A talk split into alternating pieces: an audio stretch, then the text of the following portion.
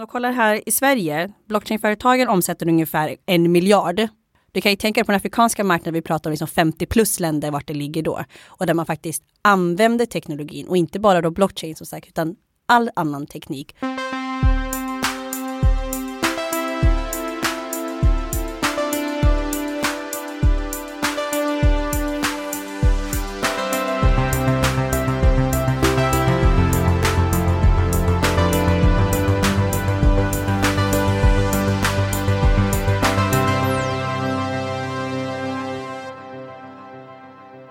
Halloj, nu är det dags för Heja Framtiden igen. Jag heter Christian von Essen och eh, ska guida dig genom min gedigna okunskap kring Afrika idag.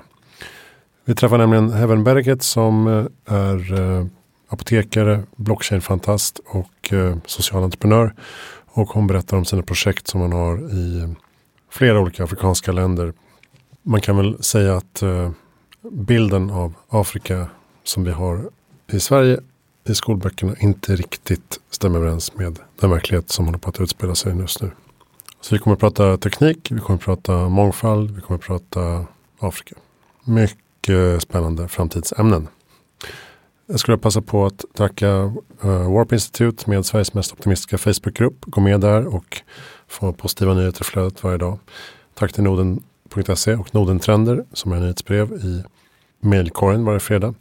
Tack till Helio och 30 där vi sitter och poddar i lilla poddstudion idag. Hör av dig om du behöver en podcast. Maila mig på christianfonessen.gmail.com Och tack till Veckans Affärer som publicerar Heja Framtiden relaterade artiklar i princip varje vecka. va.se poddar. Tack snälla VA. Hör av dig om du vill samarbeta eller sponsra Heja Framtiden på något sätt. Vi har också en Patreon-sida där du kan donera några kronor varje vecka för att eh, bidra till en bättre värld. Det vill säga bidra till att vi kan göra fler avsnitt av Heja Framtiden. I övrigt så rullar vi vidare. Det finns inga planer på att eh, stoppa det här lilla tåget. Så det är bara att vänja sig vid det. Bra, njut. Välkommen till Heja Framtiden, uh, Heaven Berket. Tackar, tjena tjena.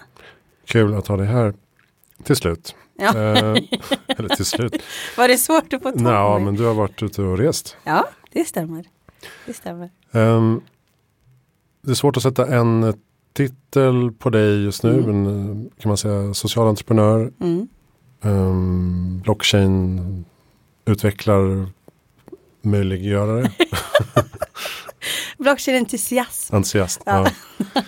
Inte expert. Nej, det sa Det får man tydligen säga. Nej, det sa jag ganska strikt till dig på en gång. Ingen är expert idag på blockchain. Ja, just det. Sen kan man ha olika erfarenheter kring det, olika år. Mm. Um, och jag tänkte, vi ska inte, jag tänkte inte gotta in mig i din bakgrund så jättemycket. Mm. Idag, faktiskt. För det finns uh, andra poddar uh, som är bättre på det. Nej, men du är med i Säljpodden till exempel. Mm. Uh, du är med Barkat som uh, har varit intervjuad här också. Mm. Han intervjuade dig i um, Startup Mondays. Startup Mondays mm. som också finns där poddar finns. I båda dem så pratar ni en del om din bakgrund, mm. uppväxt. Mm. Och även Kryptosnackspodden. Ja just det, Kryptosnack. Mm. mm. Men du kom från Eritrea från början mm. och sen växte upp utanför Hudiksvall. Mm. Iggesund. Iggesund, exakt. Bruksorten. Stökig uppväxt. Sen var du i USA, var med om en hemsk bilolycka mm. med din syster. Och efter det bestämde du för att bli apotekare.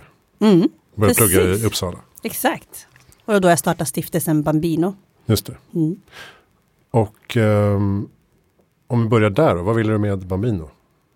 Alltså det var bara egentligen ren naivitet. Så men nu fick jag pengar här för den här olyckan. Så då kände jag att de här pengarna äger inte jag. Jag var tacksam för att jag fick livet i behåll. Var en ganska hemsk bilolycka. Um, ehm, så tänkte jag, men det här vill jag ge till någon annan. Tyckte inte att liksom de här organisationer som vi har idag, de här stora, som Röda Korset, så här, att de vill inte skicka pengarna till. Så då googlade jag, tänkte jag, men eh, det kan inte vara så svårt att starta ett eget. så då Google har alla svar, så började det på det sättet. Så tanken var en, sån en one time grej. Jag ville bara se till att fler barn skulle ha tillgång till sjukvård basically. Men du hade inte barn själv då? Nej, det hade jag inte. syster? Mm. Just det. Och, och, vad var det du upptäckte då? Att jag vet väldigt lite egentligen om hur världen ser ut. Att många så här, som, som man tog som sanningar under både skolbildning och allmänbildning inte stämmer alls med hur det ser ut för andra människor. Eh, vilket egentligen känns självklart när man tänker, ja men 9 miljoner människor och en miljard, ja det kanske inte har så bra koll liksom, det kanske inte är sanningen. Men jag behövde ändå se det på plats. Eh, och eftersom jag har afrikanskt ursprung själv från Eritrea var det så här, men gud vad mycket fel uppfattning jag har själv. Eh, specifikt då, då var det om Östafrika.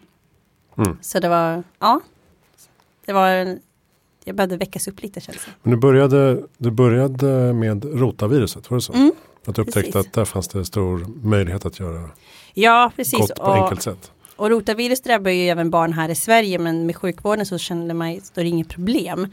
Och varför jag valde rotavirus för att jag kände att men det handlar, man behövde inte behandla viruset utan man behövde bara se till att barnet skulle få eh, vattensalt, liksom vätskeersättning helt enkelt mm. i tre dagar och så skulle det vara okej. Okay. Uh, men ändå var det liksom, nu har det ju minskat, men det var då, då var det runt en halv miljon barn då under åldern sex år som dog av uttorkning på grund av det här viruset. Nu har det sjunkit lite grann, det är inte helt noll ännu. Uh, men det, alltså, det känns som en basal grej. Vi har ju liksom andra sjukdomar och diagnoser som är mm. betydligt mer, kostar väldigt mycket pengar att behandla. Om ens med lyckat resultat. Så det var så här, men gud det här kan man ju inte vara något problem. Det var så kallat lågt hängande frukt. Ja, precis. Um, så det känns, det känns löjligt. Det känns fortfarande löjligt att det är ett problem. Mm. Om jag ska vara ärlig. Det är otroligt löjligt att det ska vara ett problem. Och sen började du på Apoteket Hjärtat. Mm. Som nu ägs av ICA. Precis, mm. ICA-gruppen. Vad, eh, vad var det du började göra där? Jag började redan under studietiderna och med egenvårdsutbildningen. Då med den här med omregleringen och sen har jag varit apotekschef, varit med upp den andra eh, apotek tillsammans med dem och sen jobbat på deras kontor, på supportkontoret och gjort lite olika koncept. Eh, både Hjärtat Career, Talangsatsningen och lite sådana olika projekt helt enkelt. Få folk att välja hjärtat först. Ja, och så har du fortsatt det sociala arbetet mm. allt eftersom och växlat Ja, det har ju varit det, parallellt. Ja. Mm. Så det du, du beskrev också för, för Barkat, att du har liksom två olika liv. Mm. Ehm, och, hur, och det har du liksom lyckats fläta ihop på något fiffigt sätt? Ja, jag tror egentligen att det, eh, jag hade nog tur med att jag började med det tidigt. Det är ju inte så att jag började i den här skalan på en gång. Nej. Utan tanken var ju sån här en engångsgrej. Målet var att bli apotekschef och inget annat. Så jag insåg att jag kunde göra ganska, ja, jag kunde göra fler grejer. Så byggs det liksom på mer och mer. Uh, vilket jag då han har ju som strukturerat om sitt liv och anpassa det så tiden går. Så mina barn har ju inte känt till någonting annat. Helt enkelt. Ja, det. det är ju det som har varit.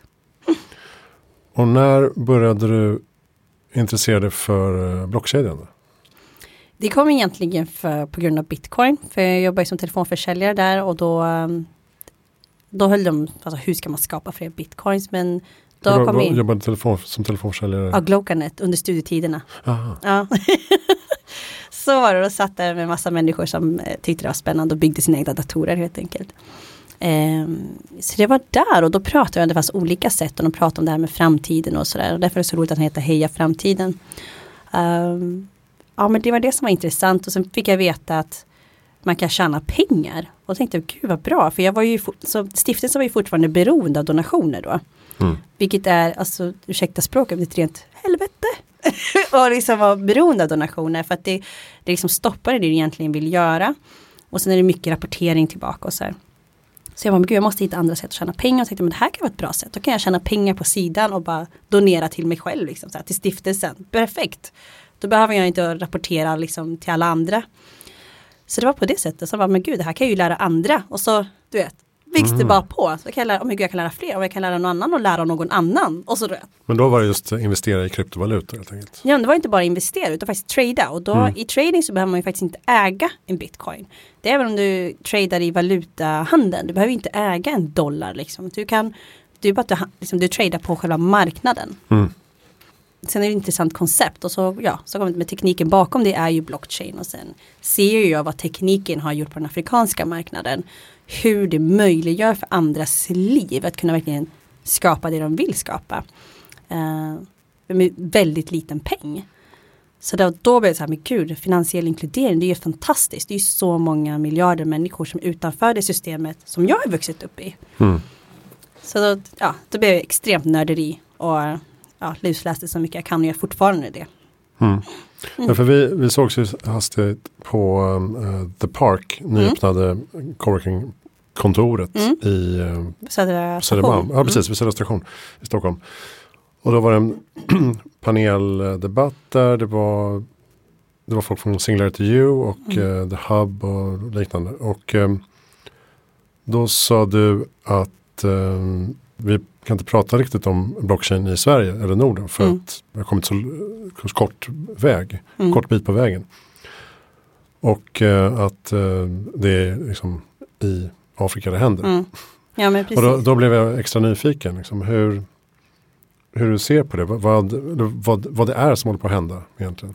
Ja, som jag var så insnöad på den afrikanska marknaden och så har jag väl haft lite kontakt mot den sydamerikanska marknaden. Eh, det var när jag kom sen tillbaka till Sverige och skulle börja prata om det här så var det ju alltid det här med blockchain elit. Liksom alla eh, de här stora profilerna inom blockchain här i Norden pratar väldigt om att det här är en elitgrej. Vilket för mig känns helt absurt att man liksom först och främst bara kopplar teknologi till elit. För att det är, om det är någonting blockchain så är det inkludering. Det är så att vi alla mm. äger informationen tillsammans. Alla har tillgång till det. Det spelar ingen roll vem du är, hur du ser ut, ens vilket kapital du har eller inte. Det är, som, det är inga av de här strukturerna som vi ser idag. Så när jag kom tillbaka till Sverige och man läser i de här breakit och så står det alltid som blockchain-eliten säger, blockchain hit och dit. Och jag blir så här kräks, så här, vänta här nu, stopp.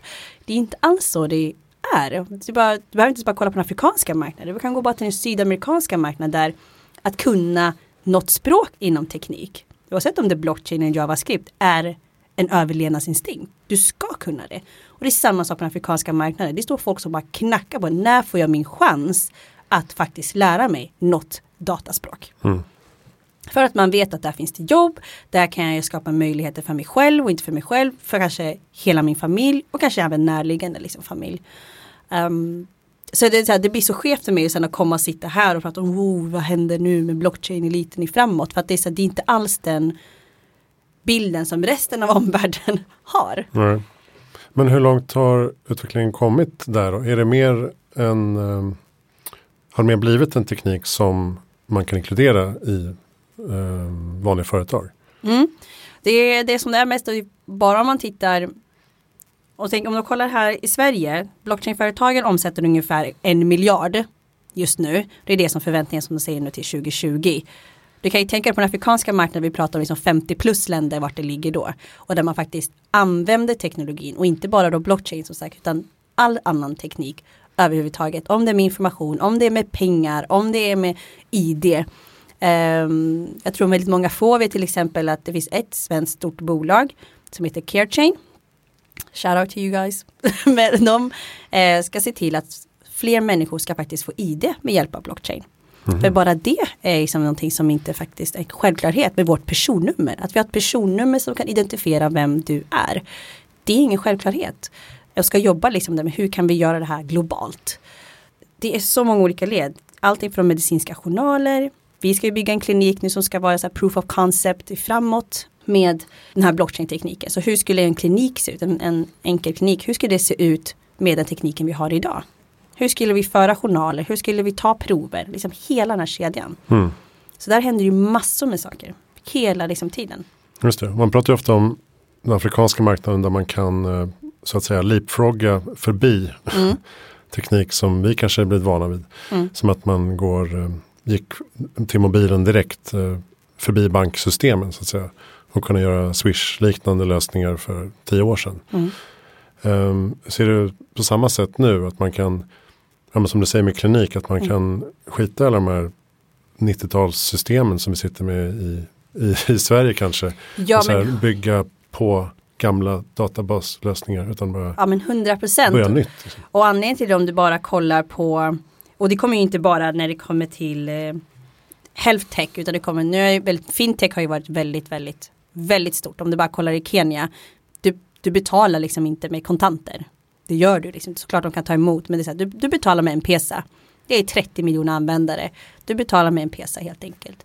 Så att eh, man måste liksom försöka se bak i historien. Det här är också, det är miljarder människor som inte har fått tillgång till de 90-talssystemen, vi kan kalla det för det. Så vi har, som inte får tillgång till oavsett vad det handlar om. Om det är att jag ska få ett bankkort eller om jag ska få vård. Eh, eller om, även om jag ska utbildning. Har inte varit en självklarhet. Där den här teknologin bara öppnar upp. För dig. Vart precis där du är. Och då blir det ju lätt att liksom, människorna är ju inte, den försöker hitta alltid lösningar. Det är så vi liksom är byggda och då hittar man de här lösningarna. Lösningen blev då via mobilen. För det var någonting som alla hade. Mm. Och har.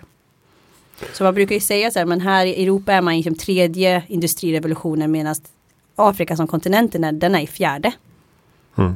För det är ju som, som du säger, det är först mobilen. Hur kan jag se till att lösa allting med mobilen?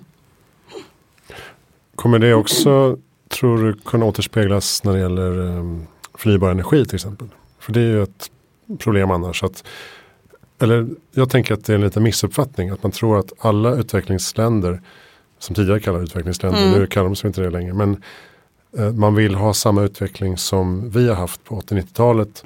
Och därmed så vill man ha exakt samma saker och på lika klimatosmarta sätt. Mm.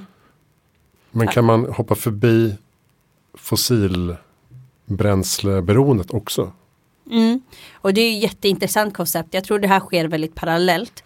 För precis som du säger så kräver man ju exakt samma standard. Man har ju börjat se att, um, vi kollar på hälsa, eh, problem, därför är det så roligt om man säger att säga utvecklingsländer känns så fel. Det är inte svält och hela den här biten. Vi har faktiskt även typiskt västerländska hälsoproblem börjar dyka upp nu också. Just för att medelklassen har blommat verkligen. Alltså det är verkligen, alltså det är många har det bra ställt. Sen finns det ju också de som, men det är som här även i Sverige, att det finns många som har det bra ställt men också några som har det dåligt. Um, sen när det kommer till det, det handlar om, det, det, det, är så- det är så stort komplex att kunna prata om, för det finns fortfarande, det är fortfarande europeiska länder som kommer in och utvinner och hämtar de här bränslena samtidigt som de säger att vi ska tänka förnybart och miljösmart. Och det jag ser problemet är egentligen, det största som jag kan se problemet är, det är de här aid money. Det är så Mm. här, men åh, vi här, ja, säg ett land, vilket land helst för, utanför Afrika som säger, men vi har våra Afrikapengar och vi känner att vi vill börja, vi vill skänka till någonting gott. Och så tänker man det till, så istället för att kanske, om man nu verkligen brydde sig ordentligt, så skulle man i så fall klimatinvestera, inte försöka kompensera på olika sätt. Att man tar olja, samtidigt säger så här, ni ska ha solenergi, för det är det ni har gott om. Alltså det blir så skevt. Så jag tror det är, för, det är så stort komplext att kunna prata om, Mm. ehm, egentligen. Är det relevant att prata om Afrika överhuvudtaget som en sammansatt kontinent? Nej, nej så är det verkligen inte. Det, jag är ju mest verksam i Västafrika och Östafrika. Mm. Och sen finns det ju också vissa länder som står ut mer än andra. Eh, och det är väl de som kanske står, men om man kollar eh, de största länderna som vi har liksom nu, när man kollar ekonomin. Så har vi Sydafrika, det händer mycket i Kenya, Rwanda, det händer mycket i Ghana, eh, vi har Gambia, vi har även Etiopien. Och sen eh, om man kollar liksom då, så det är tillväxten där ekonomiskt på BNP ligger ju på 9% Så kollar man på Sverige som ligger kanske på runt 1 Mm. Eh, så det är fortfarande relevant. Vissa länder är självklart starkare än andra. Så det är svårt att säga att vi alla, liksom, alla länder är exakt likadant. Det är ju rent fel. Du kan inte säga att Spanien är detsamma som Sverige. Men det är därför man säger afrikanska marknaden som man säger den europeiska marknaden. Då pratar man ju om de här ekonomiska strukturerna som finns. Mm. Vad som importeras, exporteras. Men och Eritrea då, där du kommer ifrån? Mm. Ja, det är Mm. intressant. Nu har vi ju det här fredskonflikten mellan Etiopien och Eritrea. Så det ska bli intressant att se vad som händer. Eh, men sen har vi fortfarande samma ledning i landet. Eh, som vi redan sett bevis på nu senaste 20 åren. Vi har inte sett direkt kanske någon bättre förändring. Så det ska bli intressant att se där. Mm. Just nu gör jag ingen business där. Får se, kanske okej. i framtiden. Alexander Bard pratar om Nigeria som starkt växande. Ja. Extremt. Nigeria har varit eh, bland de första länderna eh, från start och kommer ha en av världens största folk, alltså städer, mest folktät. Gebeja Mm. som du jobbar med. Vad, vad är det för något? Gebeja är ett edtech-bolag. Så Mm. du vet ju, det är ju många startups, inte bara här i Norden, över hela världen som hittar nya lösningar, hittar nya sätt att leva på och bygga företag på. Eh, sen har vi ju liksom en brist på kompetens när det kommer till IT-kompetenser. Så därför valde jag att investera i edtech, alltså educational technology. Mm. Så det de gör är att vi utbildar folk inom tech. För det är fortfarande en glapp mellan de som examineras och de som vill ha eh, techpersoner, om det är software eller frontend, det spelar egentligen ingen roll. Så är det ett glapp däremellan, att företagen vill ha någon senior och så är det massa juniorer som kommer. Så då har vi ett program för dem för att det skulle kunna åtminstone matcha upp de företagen. Så det är det vi har nu, så att det, nu har vi 465 utvecklare Okay. och öppnat nu en hubb i Senegal. Okej, det är en slags rekryteringsmatchning då? Ja, fast också utbildning. Mm. Så utbildningen först och sen vissa känner så här, gud vad bra, jag känner mig stabil, jag kan starta mitt eget. Eller att de får en anställning. Det beror ju på. Eh, eller så anställs de av oss och så har vi vår marketplace. Så vi får ju projekt, startups som hör av oss till oss att ja, men vi behöver en utvecklare, vi vill ha en app. Eller vad det nu kan vara, eller vi vill ha hjälp med hemsidan eller vi har det här systemet som vi vill uppdatera. Mm. Eh, så kan, så kan, har ju vi liksom en pool.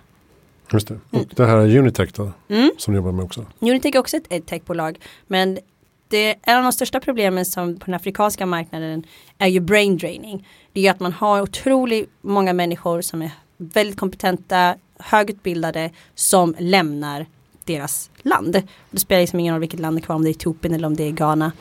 Som lämnar, vilket gör att liksom vi tappar kompetens, vilket är det man kallar för brain draining. Eh, vilket man självklart vill motverka. Man vill försöka liksom se till att men stanna här kvar, det finns möjligheter för dig att bygga.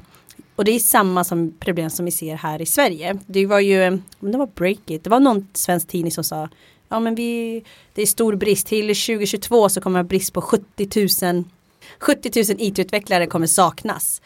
Och återigen var det några elitbolag som sa ja men det är för att ni inte löser bostads, eh, bostadskrisen. Så lös bostadskrisen så har vi folk som vi kan ta hit. Helt enkelt. Vilket gör Mm. så här, nej.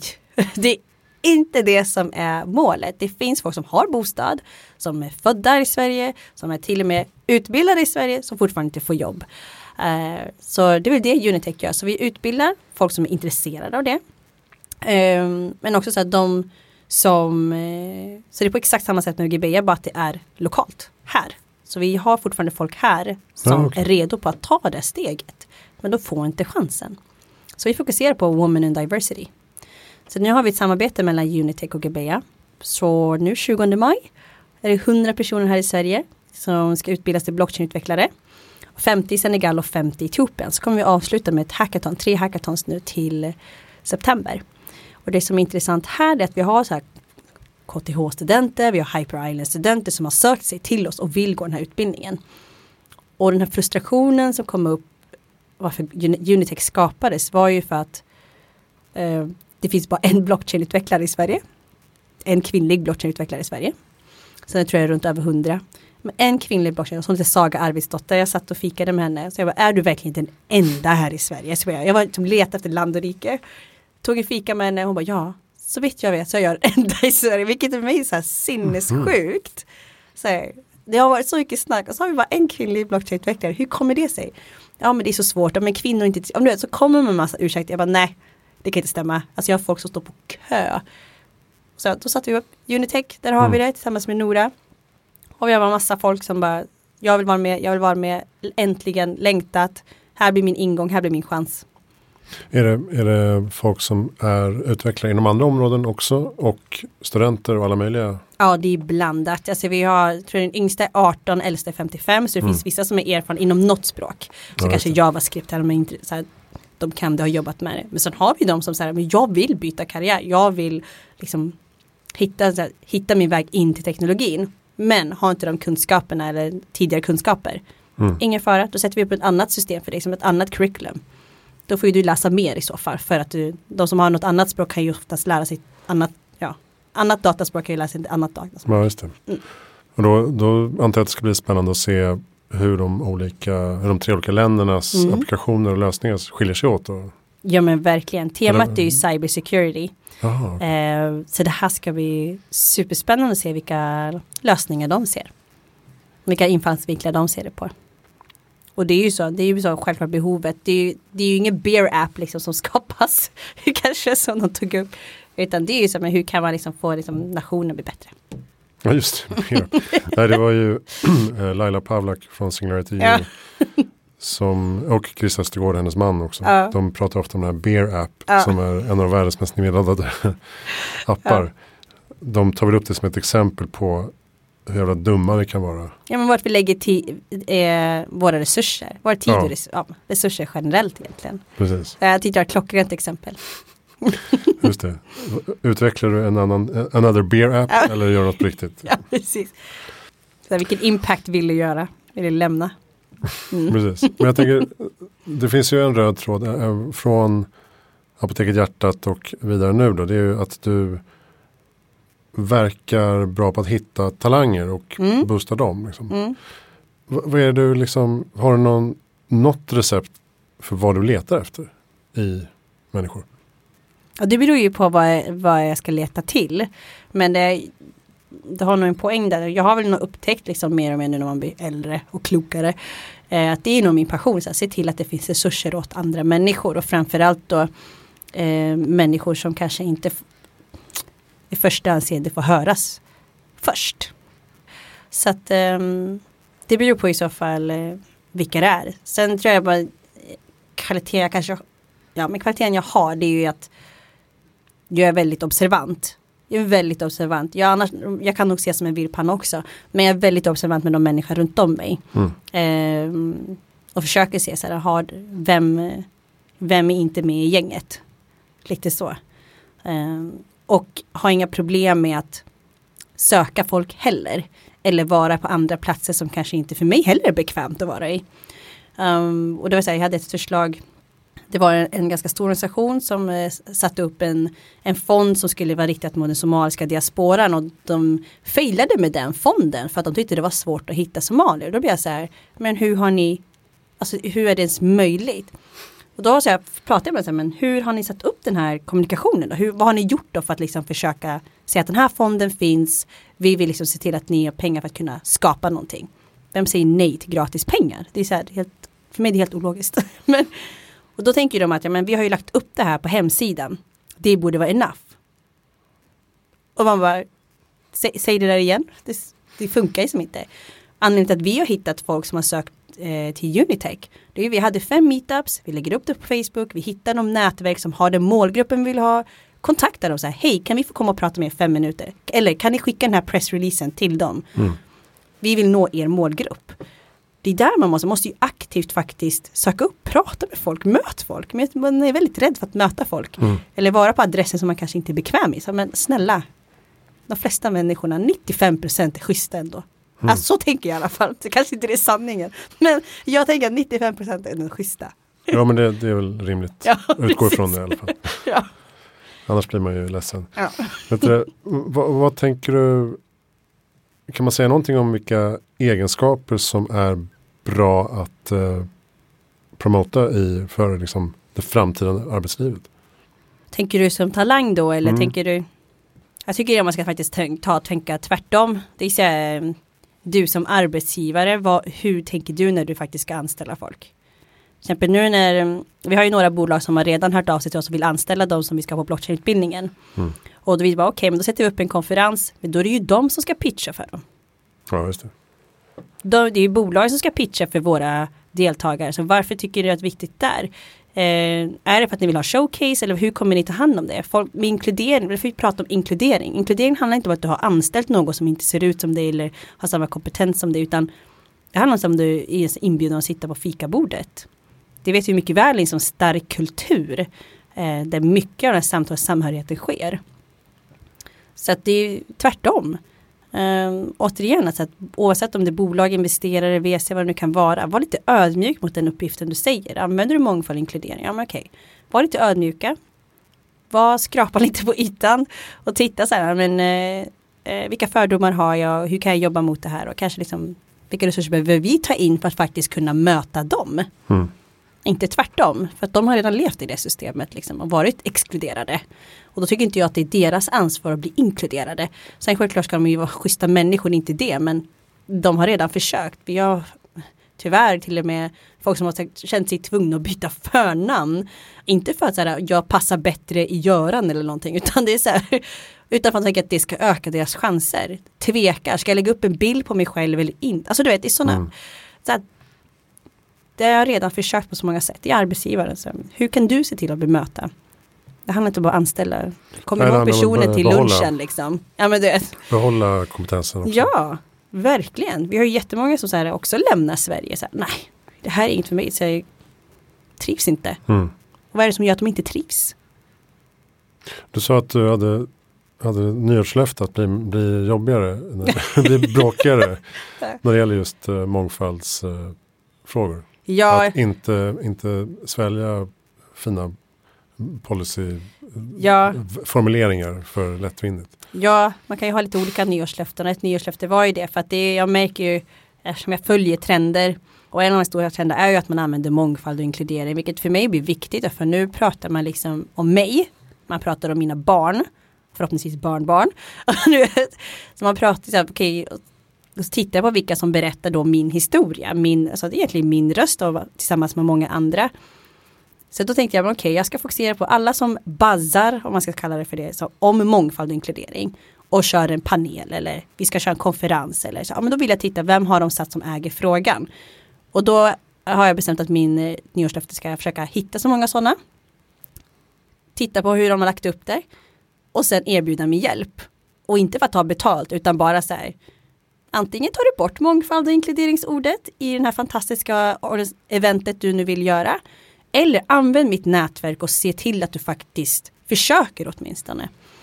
Eh, för det här att det inte finns och det är svårt och det, är så, det, det köper inte jag längre. Och jag, tillsammans med många andra tror jag så här, orkar liksom inte riktigt höra ursäkterna. Um, för vi, vi är andra och tredje generation så jag orkar inte höra ursäkterna. Vi har hört dem redan. Så då skriver jag så här, tjena! Ser att du har mångfald och inkluderingsevent men det känns som att det saknas lite folk. Hur kan jag hjälpa till? Och då återigen ursäkter. Jag bara jag förstår, ursäkterna finns där men du kan, du kan använda mitt nätverk. Mm. Säg vad är det för kompetens du söker som ska vara relevant till ditt event. Ja men det är det här, det här. Okej, här har du tre namn. Ja, just det. det är Och så jag upp. istället för att eh, dissa det i efterhand så går man in proaktivt och Ja. Och det, är- försöker eh, bidra. Ja, det är ju mitt sätt att skapa en bättre framtid för mina barn. Liksom. För någonstans så måste man ju skrapa lite så här, okej, jättekul att ni vill prata om mångfald och inkludering. Men då ska vi prata om hela aspekten. Mm. Och då menar jag verkligen att det var en gång jag var på en panel. Det var en äldre dam som tog upp så, ja men du får inte glömma ålders, eh, ålder också. Att det är viktigt. Jag bara absolut, det är också en viktig fråga.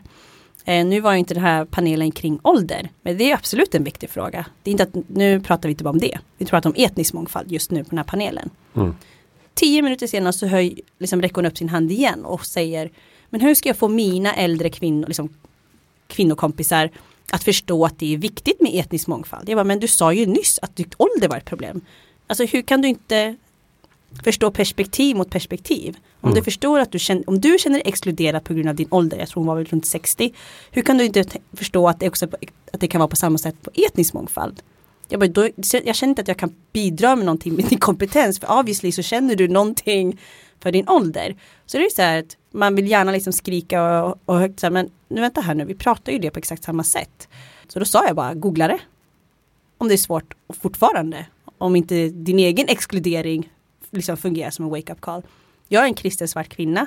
Jag kan inte förstå hur det är att vara muslim. Men jag vet mycket väl att det är en ännu barriär som inte jag kan ha insikt men jag förstår ändå. Eftersom jag också exkluderar i en annan form. Vi skrapar lite på ytan. Då vill du prata om det jättegärna. Det behövs. Men då gör vi det på riktigt. Då tar vi in de perspektiven som vi pratar om vi saknar. Eh, och inte ha så här fina ord bara. Det, är så, det känns, bara, känns bara märkligt och slöseri med resurser om man ska vara ärlig. Om man ska vara så ekonomisk. Mm. Nej, men som vi touchade innan lite grann, just att när man pratar om målgrupper och kampanjer, reklam, em, media och så här. Varför anställer man inte en 60-årig iransk kvinna som Mm. kan säga vad hon, vad hennes målgrupp tycker Mm. och tänker. Det ska man liksom bara gissa eller Mm. inte bry sig om. Ja, Mm. det tycker jag är märkligt. Mm. Nej, fler, är fler stolar. Ja, precis. bordet. Ja, tack för att du sa det. För det är det, det är ingen som behöver kickas ut för att liksom fler ska få plats, utan det handlar om bara att hämta en stol. Ja, precis. Hämta en stol till. Om man går tillbaka till, till Afrika, vad, vad Mm. tycker du att vi kan lära därifrån? Jag tror först och främst att ha en ödmjuk inställning på att, så här, att vi inte har alla svaren. Och så det är ju svårt liksom att bara kanske bara prata. Jag försöker ju så gott jag kan att ge liksom en bild. För idag så märker det är många som fortfarande har den här bilden kvar på det här svältande barnet, utputad mage. Och nu senast när jag var nere, det var i Etiopien och Kenya, så behövde jag förklara för mitt team där nere, så här, men vad är det som är problemet? Och så försökte jag förklara, ja, men det här är den bilden de har av er. Och där sitter vi på en resort och liksom och, och paddlar i en kanot. Och de bara, va? Är det sant? Jag bara, ja, för det är enda bilderna som cirkulerar runt där, är som i Europa. Det är som ett svältande barn med putande mage. Så, ja, jag... här, savann med giraff. Ja, Precis, så det är så en ödmjuk inställning på att det är en väldigt stor kontinent.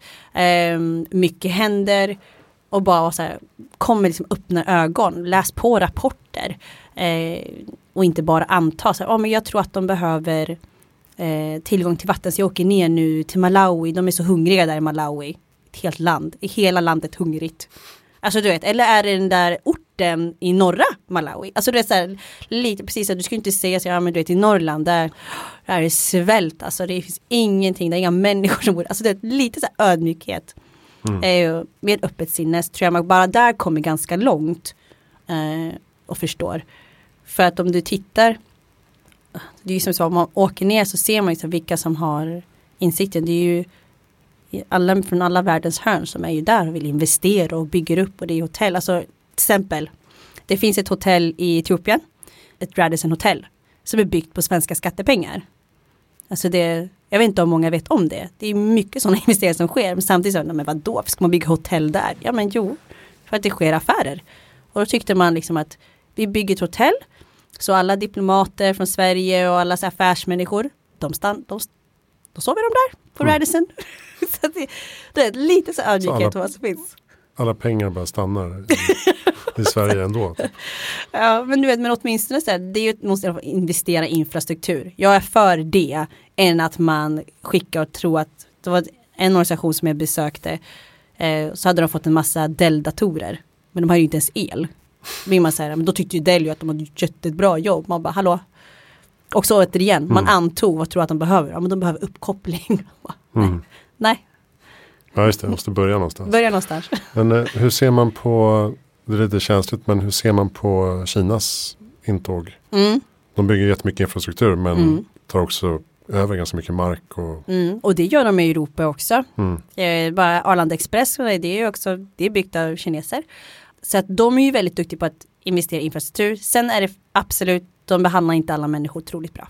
Det gör de tyvärr inte. Sen är det också, det är inte alla, men det finns många. Jag skulle nog säga typ runt 50-50. Eh, som sagt, jag är pro när det kommer till att bygga infrastruktur och faktiskt gör en skillnad i, den, i det landet eller, liksom, eller den staden nu som de väljer. Men sen måste ledare, afrikanska ledare tycker jag step up när det kommer till arbetsmiljö och hur, hur de anställer löner och allting. Mm. Alltså nu börjar ju Kina också steppa upp eller klimat uh, anpassningar. Mm. Så det kan ju också kanske bidra till en positiv effekt om man gör det också i Afrika. Mm, vi får se vad de gör. Så alltså det inte bara det... blir så här kol och olja. Mm. Ja men det är det som är så spännande för att det är de som hör av sig till mig. Det är så här, ja men det är en japan eller en kines som kommer så här, hej Heaven, eh, jag vill att du hjälper, hjälper oss att etablera och hitta tre företag som vi ska investera i Kenya.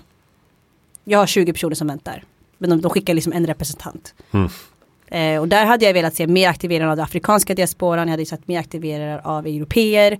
Att faktiskt börja investera och skippa aid money. För att mm. det, det gör liksom ingen, ingen skillnad, det är ett gammalt sätt, det är inte där det är nu. De börjar också, så här, Sida, vi har Världsbanken, vi har UN, alltså FN, som börjar nu faktiskt också förstå mm. det här att om vi vill göra en impact på riktigt så ska vi faktiskt investera i folks idéer, i företag eller mm. infrastrukturer. Så till och med de där har börjat eh, faktiskt ändra om. Sen kanske de inte är helt rustade till att göra det. De har ju gjort några faktiskt fantastiska projekt. Eh, men de, till och med där börjar de tänka om. Och om man är intresserad av liksom startup-hubbar, eh, var, ska man, mm. var ska man leta då? Mm. Eh, om det är Östafrika så är det Kenya. Det får man jättegärna kontakt med mig för jag är också involverad i ett norskt bolag som heter Pangea. Eh, där, eh, med vdn Jonas Tesfu. Och det vi gör där det är att vi har investerprogram där vi utbildar erfarna som affärsänglar men också oerfarna. Som kanske har pengar som de vill investera på något smart sätt. Eh, och sen har vi liksom acceleratorprogram just mm. i Kenya. Och um, där händer det väldigt, väldigt mycket inom olika sektorer. Vi har valt att fokusera på urban tech. Så att det är alltså problem som urbanisering skapar och hitta teknologiska lösningar för det. Mm. Så att då kan man, det, man ska ju inte gå bara vara sån, det finns de som gör business av det också och få pengar på sånt där. Så det är så bra att gå igenom en aktör som du vet ändå har gjort jobbet. Och kan liksom vara vart man vänder sig till, eh, hur man gör due diligence. Ja, precis. Uppföljning och så här. Ja, precis. Så att det är ju bra om du har liksom någon som faktiskt kan marknaden. Så inte man tror så här, men nu går jag ner med 20 000 kronor och woho liksom. Ja, just det. Det första man gör. Och nu får framtidsspana kring, nu kanske tråkigt bara att prata Afrika, men, men Mm. om du får framtidsspana lite kring Afrika, vart eh, är man på väg generellt då? A million dollar question. Ja, precis. Hej, du som kommer från. Asien. Ja, precis. Nej, alltså jag kan ju bara ta när det kommer liksom till startup-världen. Eh, fortsätter att vara stabilt som det har varit och då tar liksom ändå ett ansvar. Så kommer de äga mer. Det kommer bli ett mer ägandeskap bland liksom, afrikaner eh, i olika länder. Sen mer eller mindre olika. Och det kommer leda till också att man får en maktposition som faktiskt gör att du kan göra en förändring när liksom det har redan börjat ske, för nu har vi ju till exempel, nu matchar vi affärsänglar i Norden med startups där. Men nu har vi ju faktiskt affärsänglar där redan som ändå sitter på några miljoner som vill också investera i startups i sitt eget hemland. Så det har redan vänt. Mm. Eh, så de här affärsänglarnätverken finns också i Kenya och det finns också i Ghana. Så, så det, det har redan börjat vända och jag tycker det är en positiv utveckling och hoppas det fortsätter på det sättet. Jag blir mer rädd för vad som kommer hända med Europa för att man är lite mer fat and happy. Mm. Eh, Det är svårt att se nya lösningar för att det man redan har funkar ju ganska bra. Så det blir så här, man blir, lite, man blir inte så kreativ helt enkelt. Eh, och därför då har vi sådana här bear app som, som kommer som en lösning på något problem, eller vad man säger, inte ett riktigt problem. Eh, men man tittar inte på nya lösningar på hur vi, ska, hur vi kanske ska göra med val här i Sverige. För det har ju funkat så bra. Då kan vi fortsätta på samma sätt. Det, det var lite annorlunda i början av 2000-talet. Liksom, men eh, nu har det stannat av tycker jag när det kommer till man är jätteduktig på scale-ups. Alltså verkligen få unicorns och stora bolag. Mm. Ehm, men inte så mycket när det kommer till nya innovationer och sådär. Men det, sakta men säkert tror jag man, de som har en större insikt kring hur det ser ut, kanske i Europa eller globalt eller i någon annan världsdel, om det är Asien eller vad det kan vara. Då kommer det med ganska intressanta startups tycker jag. Mm. Och, och när du är, jag ogillar att säga där nere, men vi säger där nere. Mm. Finns det en medvetenhet kring hållbarhet och klimat och miljö? Ja, definitivt. Definitivt, Mm. betydligt mycket större. Och det är ju för att det, eh, i de storstäderna så är det ju det bara kommer in med massor med människor. Så det är allting när det kommer till waste management, mobility, eh, händer ju liksom nya typer av lösningar hela tiden. Det finns inte bara Uber, utan det finns kanske tio andra typer av Uber-tjänster redan i liksom Nairobi. Mm. Ehm, och eh, det, spel, det här med att det var som Voi eller, alltså att det, det, och, eller om det var en motorcykel, det har redan det var redan på plats och det kommer liksom nya sådana idéer hela tiden. Om du åker till Nairobi så finns det ju ingenting till exempel som du inte kan få hemlevererat. Mm. Allt går fort, smidigt. Det är definitivt att tänka på det. Mm. Mm, det finns mycket som sen tänker på olika sätt. För att behoven är där så pass stora. Nöden är uppfinningarnas moder, så att säga. Ja men exakt. Ja men lite så är det. Elektroniska till exempel recept. Det uppfanns i Sverige 2005. Det är inte så länge sedan. Nej. Eh, men nu börjar vi bli lite fat and happy och då försöker man liksom hitta, men det, det blir svårare om man liksom håller sig inom nationens gränser. Mm.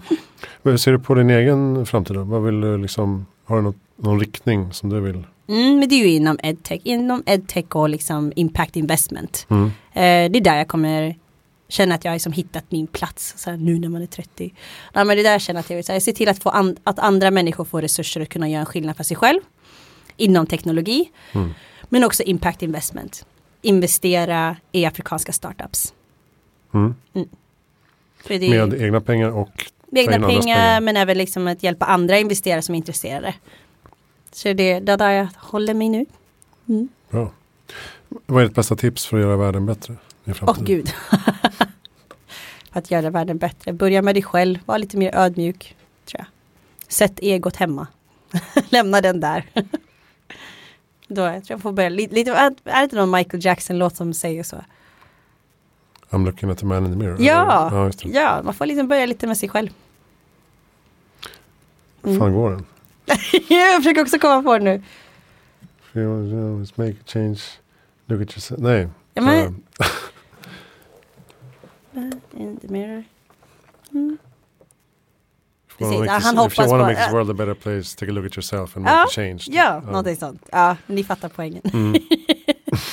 Men börja lite med sig själv. Var lite ödmjuk. Så, och glöm inte människan. Mm. Även liksom i de närmsta relationerna. Ensamhet börjar ju bli lite läskigt här i, i Norden. Mm. Mm. Det är, um, det är många som uttrycker den oron. Ja, då är man ganska omringad bland folk och det är ju nästan ännu värre. Ja, precis. så, du, känner dig ensam bland Ja. folk. Mm. Har du några bra lästips eller poddtips eller liknande? Gud, jag läser ju typ bara faktaböcker. Om man säger så här, om man, om man är nyfiken nördis. på, på Afrika. Mm. Då kan man kolla, man kan läsa lite grann kring Reuters. Kan man skriva. Det är så här online-tidningar då. Vi har BBC Africa har vi. Och kanske bara följ andra människor än vad du följer dig själv. Det finns ju hashtags som man kan söka. Mm. Och om man är intresserad av uh, blockchain. Vad man ska läsa. Tänker du som kurs då eller liksom bara själva Nej. det? Om man är nyfiken. Ja, om du är nyfiken, självklart kan man ju som sagt, det finns många, det finns på YouTube, men du kan också ha Telegram, en app, det är som en Messenger-app. Där finns det ju många som har som kanaler, till exempel jag är med i Blockchain African Ladies. Ehm, så att det, det finns liksom många sådana kanaler som tv-kanaler egentligen, som bara Mhm. publicerar olika typer, så alla liksom bidrar med att eh, ge input. Och det här var en intressant artikel, det här är en intressant bok. Så då får man också in andra perspektiv från olika länder och från andra människor. Så att, eh, Telegram tycker jag är jättebra på den källan, just som det är människorna som bidrar. Sen får man ju som sålla lite själv, men Mm. Bra tips. mm. Eh, vem tycker du att jag ska intervjua i Framtiden? eh, Nora Bavey Mhm. tycker jag ska intervjua. Eh, vill du skriva upp det? Mm. Hon är, min, eh, hon är ju grundare då för Unitech. Um, jobbat tidigare med World Cancer. Och spännande resa också så, eh, när hon kommer till mångfald. Det är väl där vi har hittat kärleken mellan varandra. kring mångfald och inkludering. Okej, Mm. bra. Ehm, om man vill kontakta dig, hur gör man då? Hur man kan kontakta mig? Man kan kontakta mig på Heaven. Ja, det stavas precis som engelska himlen. H-E-A-V-N unitech.one. Eller på Instagram finns jag, svarar ganska frekvent på Intune with Heaven. In tune with heaven. Ja, jag gillar meditation. Ja. ja, men det får vi prata om nästa gång. Ja, precis. Eh, tack snälla Heaven Berket för att du kom till Heja Framtiden. Tack! Allt du vill veta finns på hejaframtiden.se. Och nästa gång är vi tillbaka med något annat. Tack för att du lyssnar. Tack, tack.